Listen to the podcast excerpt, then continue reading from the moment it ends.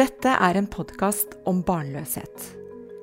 Jeg ønsker å finne svar på hvorfor temaet er så viktig for oss. Jeg vil grave frem fakta på området, og ikke minst dele de viktige historiene bak. Jeg er Cecilie Hoksmark, og mitt mål er større åpenhet. Da vil jeg gjerne ønske velkommen Anni Tønnesen. Tusen hjertelig takk. Det er en ære å være her hos deg. Ja, men Så fint. Og jeg må si at eh, når jeg så deg på et 8. mars-arrangement For en eh, sprudlende, energisk dame! Det må jeg si. Og den energien, den smitter jo over.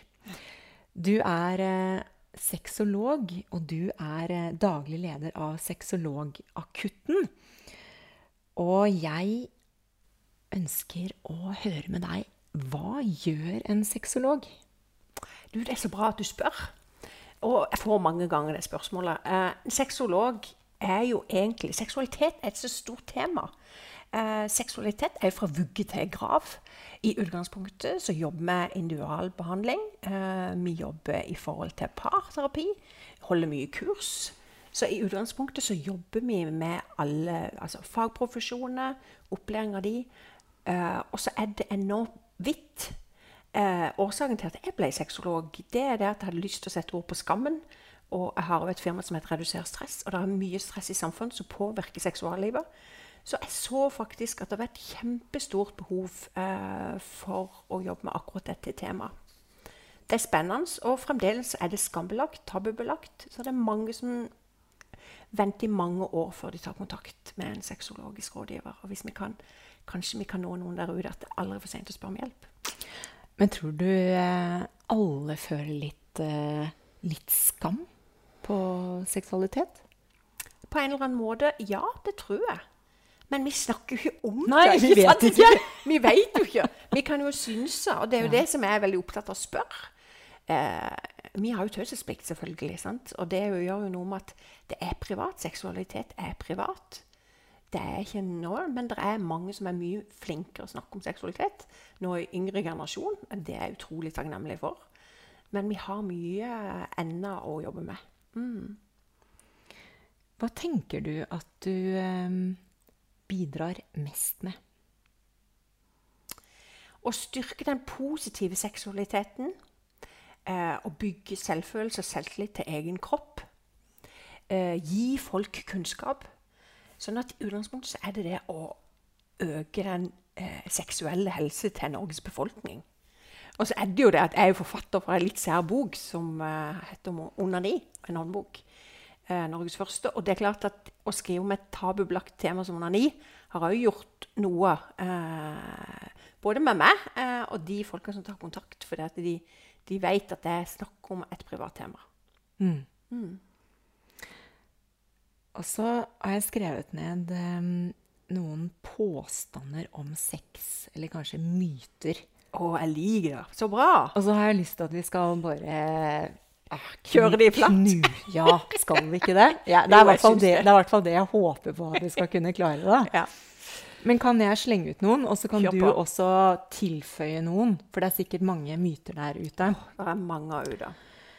Den første det er, som jeg har tenkt på, det er em, Vi tenker at menn har mer lyst enn kvinner.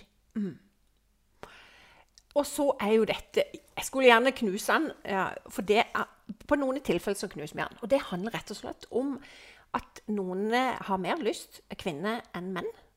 Og det er kommet mye mer fram i det senere tid. Men ofte disse tall eller forskningstall kan gjerne si noe annet om at de har mer lyst enn andre.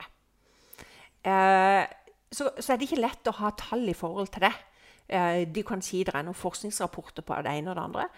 Men i utgangspunktet så sier vi jo det at kvinner kanskje har mye mer lyst i 40-50-årene. At det er der de blomstrer mye mer. De yngre er mye mer når de er yngre. Men dette er så individuelt. Det som er ganske kult, det er jo en fiskeforsker, Osmo Kontula. Han har jo for eksempel studert onanivanen i 30 år. Er folk, f.eks. Og han sier jo at hvis du lager er det en vane Si at du masturberer eller onanerer eh, tre ganger eh, som ungdom, så vil du ha den samme vanen når du er 80. Oi. Så i utgangspunktet er jo seksualitet noe som du holder varmt, akkurat som trening. Du går ut av trening, eh, du får mindre nytelse, så det er jo egentlig å holde kroppen og seksualiteten din varm på alle områder. Interessant. Ja, det er ganske interessant. Og da kommer jo neste mm, myte her, som du kanskje var inne på. Men noe jeg har hørt, da, er i hvert fall at eh, menn er på topp. Sånn mm. lyst, eh, ønske om sex-messig når de er eh, sånn 18-20 år.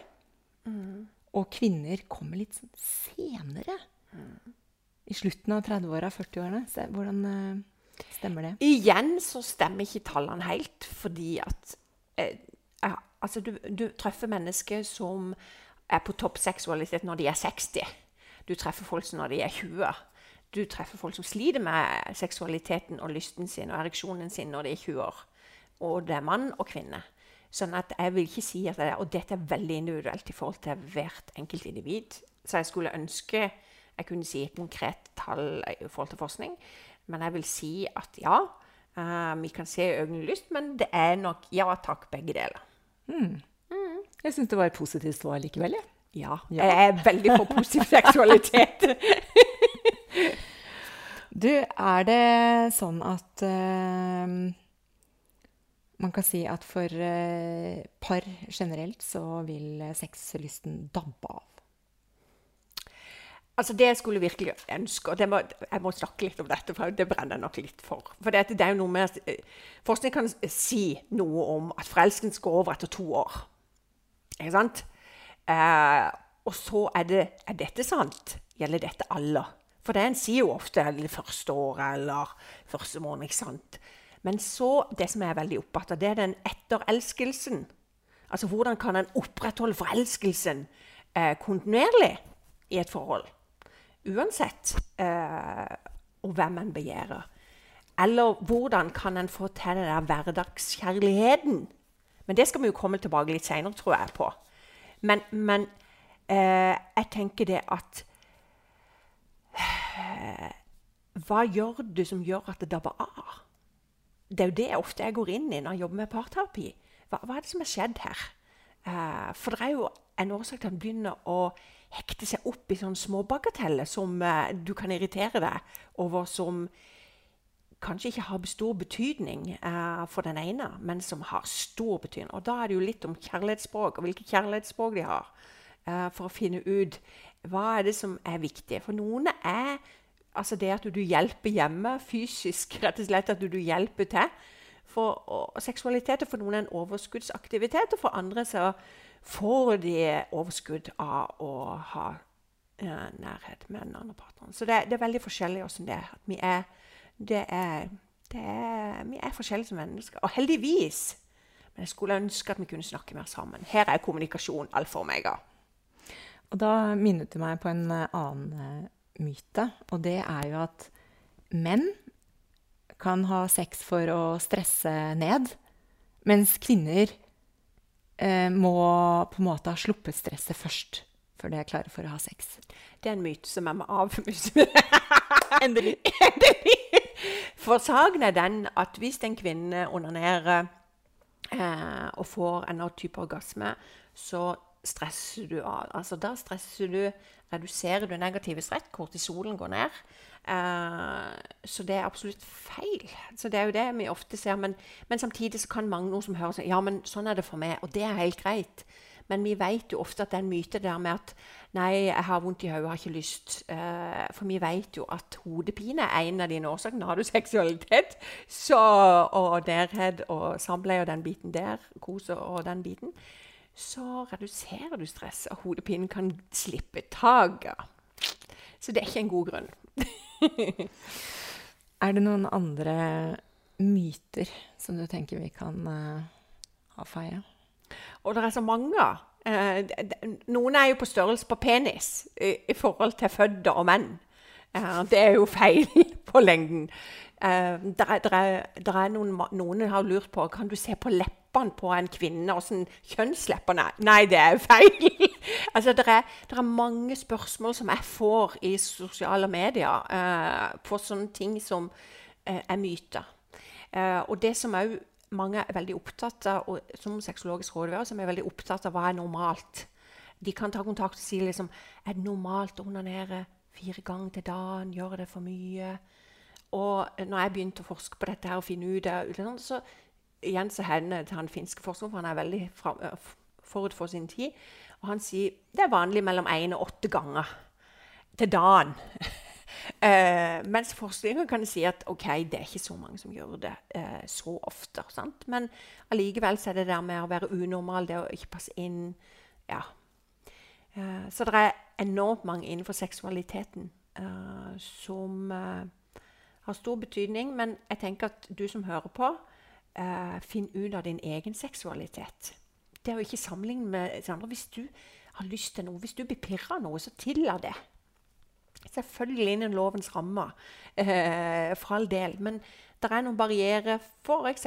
porno. Det er noen barrierer med mye innenfor seksualiteten som vi må sette ord på og finne ut av hva er det som gjør at det tenner på dette. Er det godt? Er det mindre godt? Mange skammer seg over de tenner på noe som ikke partneren tenner, og så blir de, legger de skjul på det, og de gjør det kanskje over mange år, og så sitter de inne med det. Og så vet vi jo at høyt stressnivå eh, hos mennesker i dag gjør at de ikke kan ha lyst. Og der er det en overgang til neste tema, og det er jo sex i forhold til barnløshet. Mm. Og vi kan eh, se for oss nå et eh, par som sliter med å få barn. Mm. Og det er flere som har spurt meg om kan du ikke lage en episode på det. Ja. Og det er nok fordi at her er det jo tabu på tabu på tabu. Ja.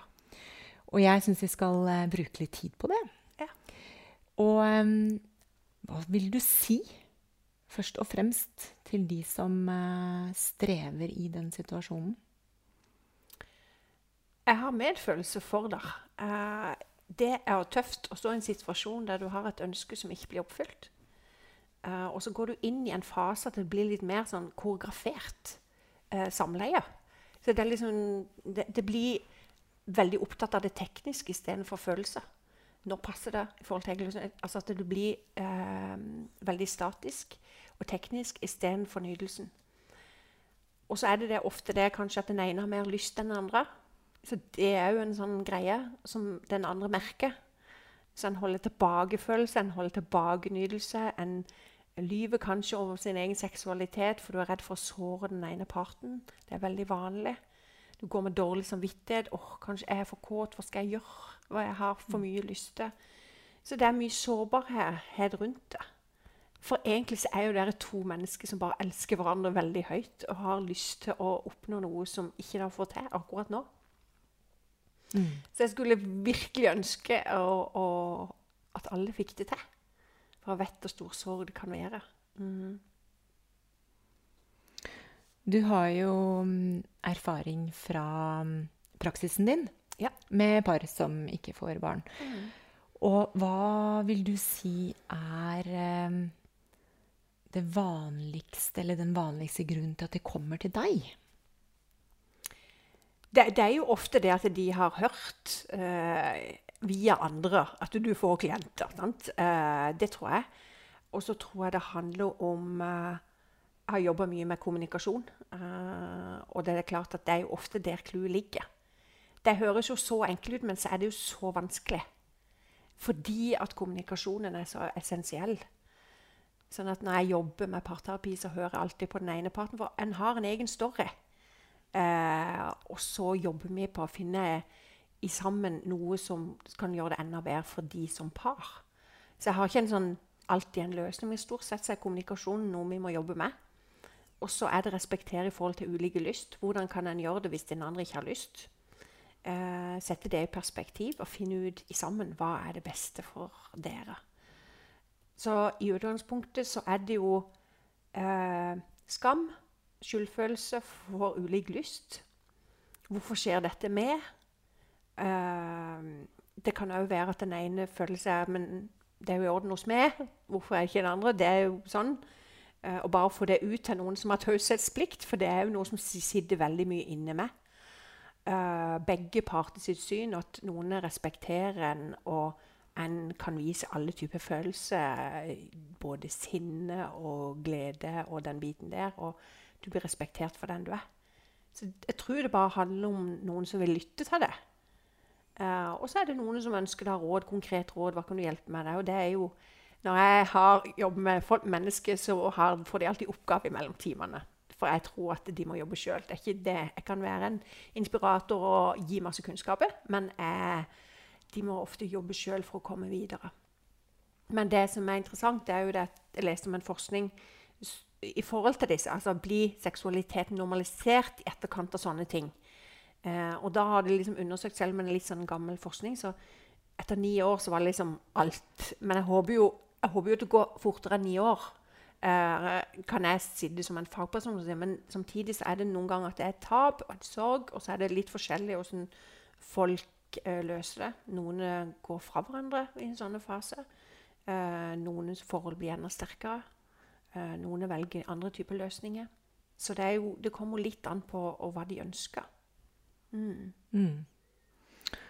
Jeg vil jo tro at uh, kvinner og menn reagerer ulikt. Mm. Hva er din uh, erfaring?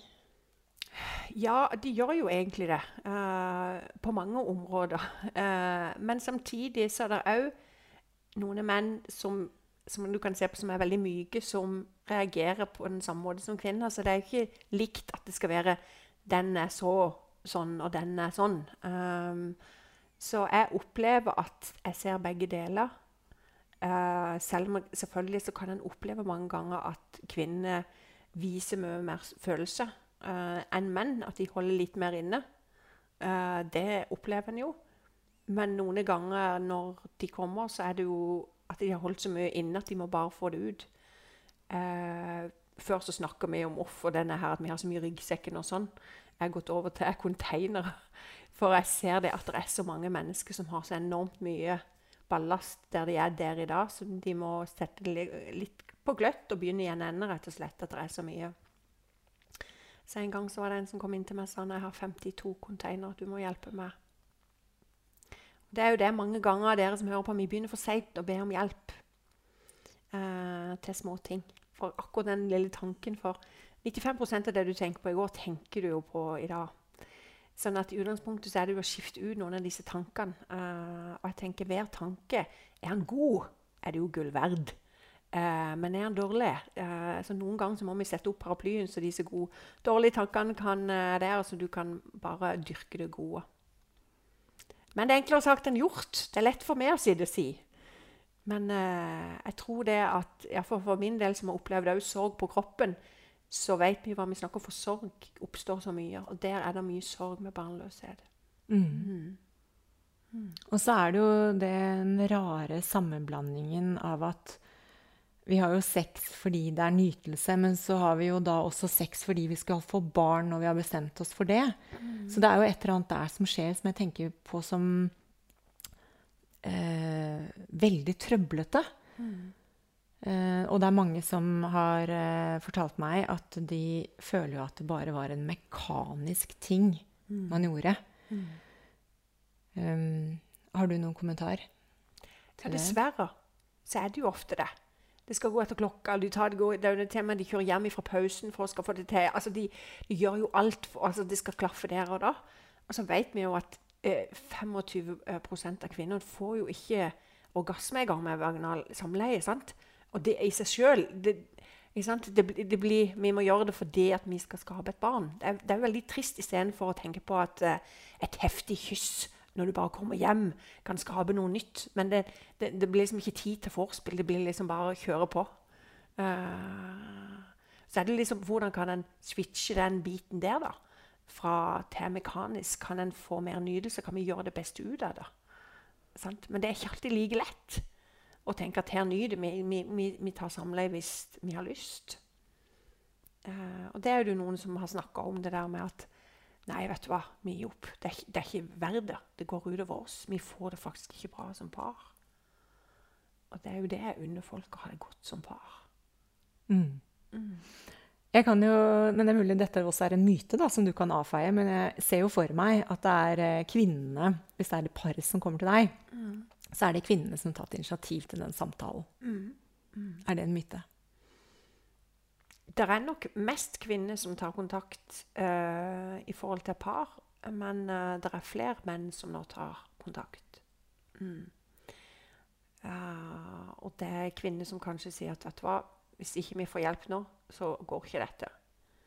Eh, men jeg spør alltid når jeg får inn har du faktisk lyst til dette. Eh, for det, det, er ikke hyggelig å ha en samtale der du egentlig de gjør det for ikke har lyst. Og jeg har sagt at samtalen er for det òg. For alle er like verdifulle, uavhengig av hvem som ønsker den skal komme til parterapi. Så jeg opplever begge deler. Så ja. Nå sa du i starten at du jobbet mye med stress. Og da er det jo lett å tenke at det er denne stressende kulturen vår med høyt eh, arbeidspress som skaper mye stress, og som selvfølgelig er negativt på seksualiteten. seksualiteten. Er det to streker under det svaret? Fire streker. Dessverre. Jeg skulle, jeg skulle gjerne ønske Ja, men det er for høyt krav. Folk har for høye krav til seg sjøl, så du som hører på, så håper jeg at du tar mer vare på deg sjøl. Og det er jo først å avklare hva stress er. Vi må jobbe med å redusere det negative stresset. Øke det positive stresset. Det er jo det som oss guts. Men det er jo det langsiktige negative stresset som er farlig. Eh, som går over tid. Så hvis du er sånn som alltid blir syk i ferie, du har masse fysiske eller psykiske eller atferdsmessige stressymptomer, gå gjerne på nettsida og sjekk deg på Reduser stress. Der er det mye konkrete. Og, og finne ut hvor er du hen. Og så handler det ikke om å finne alle stressymptomer, men det handler om å finne noen verktøy, konkrete verktøy som gjør at du kan ja. Årsaken til jeg sier det, er at jeg ser økt grad ereksjonssvikt hos menn. Og de er økende hos meg som klienter.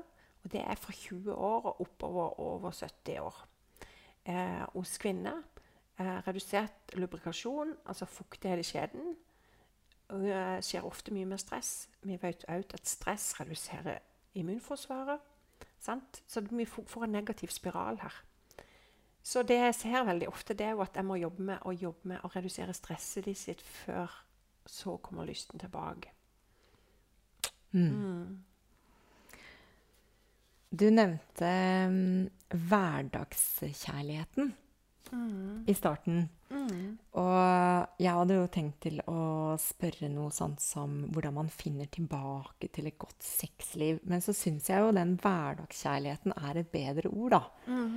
Vi trenger jo ikke bare snakke om sex. Vi kan jo snakke om nærhet og omtanke og varme og sånne ting òg. Ja, for det er så mye altså, Seksualitet er så mye mer enn samleie. Sant? Altså, det er jo det der, eh, Noen ganger så er jo denne kjærligheten eh, vi, vi, må stykke den opp litt mange ganger og tenke på hva er egentlig Hvis jeg skulle spurt alle rundt meg hva kjærlighet er, så får vi veldig forskjellige svar.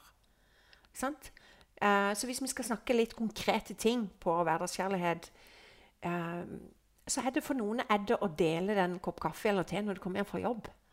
Eller ligge fu i fang, som vi ser på Sørlandet. Eller ligge skje, som det egentlig heter. Bare 20 minutter etter jobb. Eh, det handler om å alltid, før du går på jobb fra din kjære, gi deg kyss, da.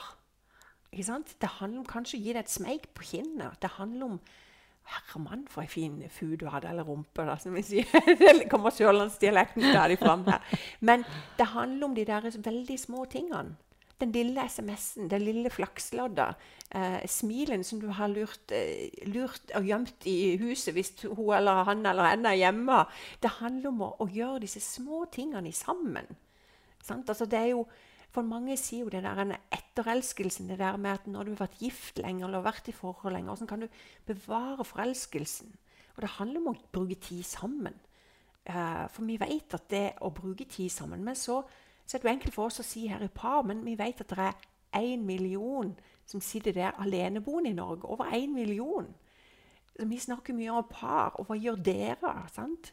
Hvordan tar du vare på din egen kjærlighet? Det må vi ikke heller glemme så er liksom hverdagskjærlighet både til deg sjøl og du som er i par. Eh, vi som selvfølgelig er veldig opptatt av den seksuelle helse innenfor onani og berører seg sjøl, eh, finn erogene soner på hverandre. Kanskje du kan finne noe nytt.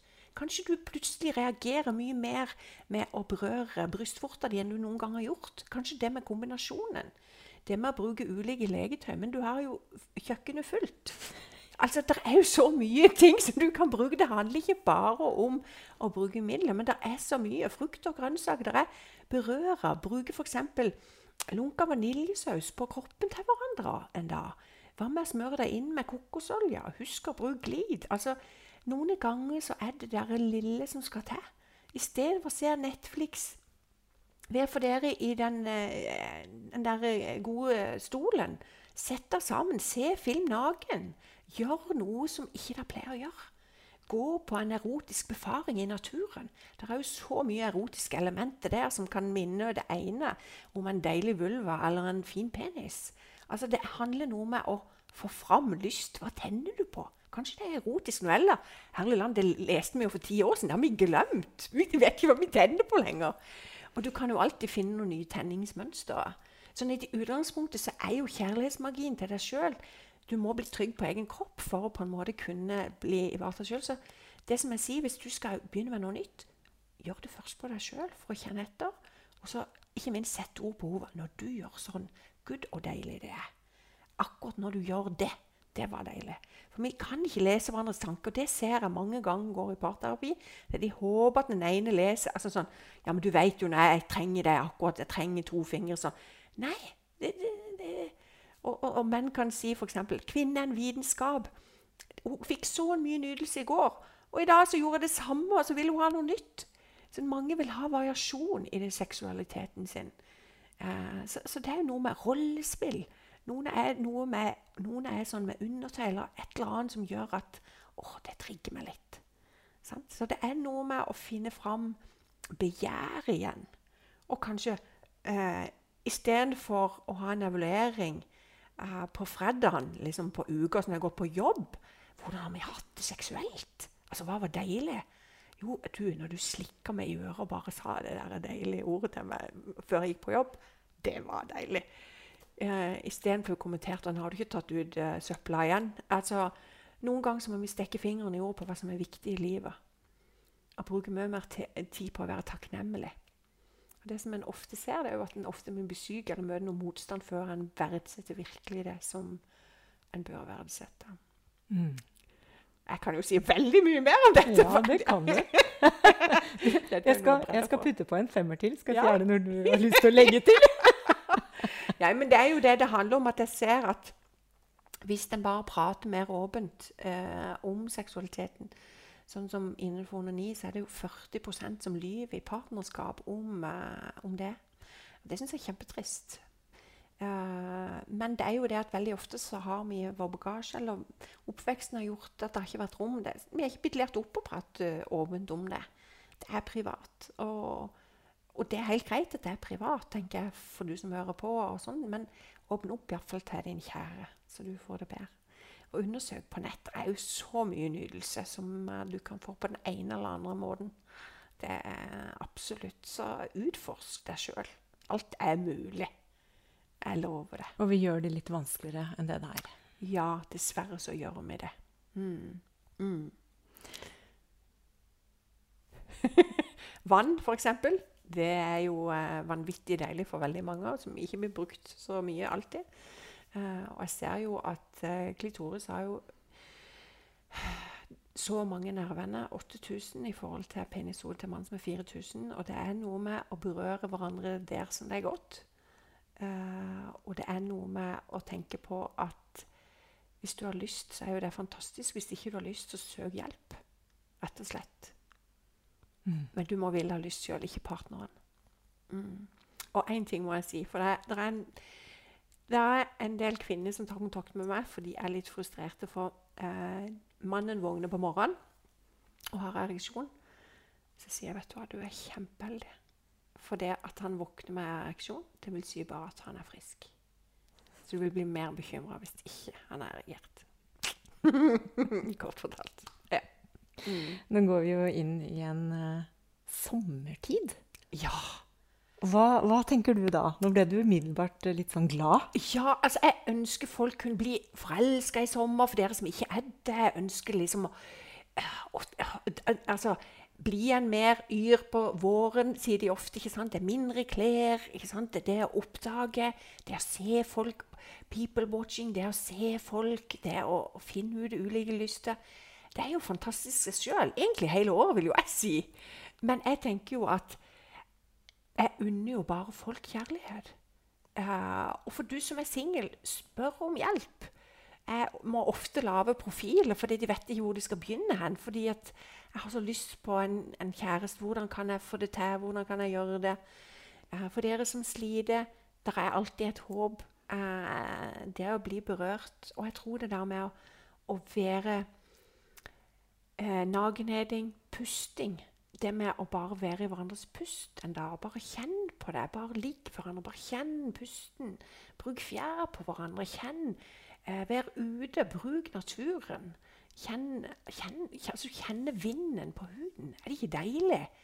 Det er noe med å gripe seksualiteten, eller gripe det der og ser. Observer folk som uh, kysser, eller folk som er glad i hverandre. Da kan ofte mange bli misunnelige. Ja, men det sier ikke vi. Og, oh, jeg skulle ønske jeg var der. Og, men det er iallfall veldig mange alene, og det er veldig mange som har lyst på kjæreste. Og, og det er mange som det lykkes for. Det er vel kanskje det noen ganger at vi er litt for sære, at en har satt noen sånne begrensninger på, på hva man ikke vil ha, og lista blir større og større. Men det finnes mulighet for alle. Så jeg tenker bare nyt, livet. Altså, det å leve sterkt på din måte seksuelt sett. Og husk at du må bruke tid for det for å lykkes. F.eks. de som har gått på et uh, orgasmekurs eller onanikurs og oppnår orgasme, så kan du få sterkere orgasme. Du kan få mer nydelse. Og det er jo det jeg ønsker at folk skal få. Uh, og så kan folk Ja, men uh, alvor og Vet du hva, vi jobber mye. Vi står på. Så er det virkelig noe vi trenger i dette livet, så er det jo dette med å, å Og da kan jeg ta Dalai Lama, for den syns jeg er så fin. Dalai Lama sier noe med hva er liksom meninga med livet, det er, og, og, det er lykken. Og Han har observert mange mennesker, han har vært i dialog med mennesker. og Han sier det er to ting som er viktige for et menneske i forhold til lykke, og det er de viktigste. Det å kunne få lov å elske noen og bli elska. To enkle, men vanskelig, for det er ikke alltid vi tør å tillate.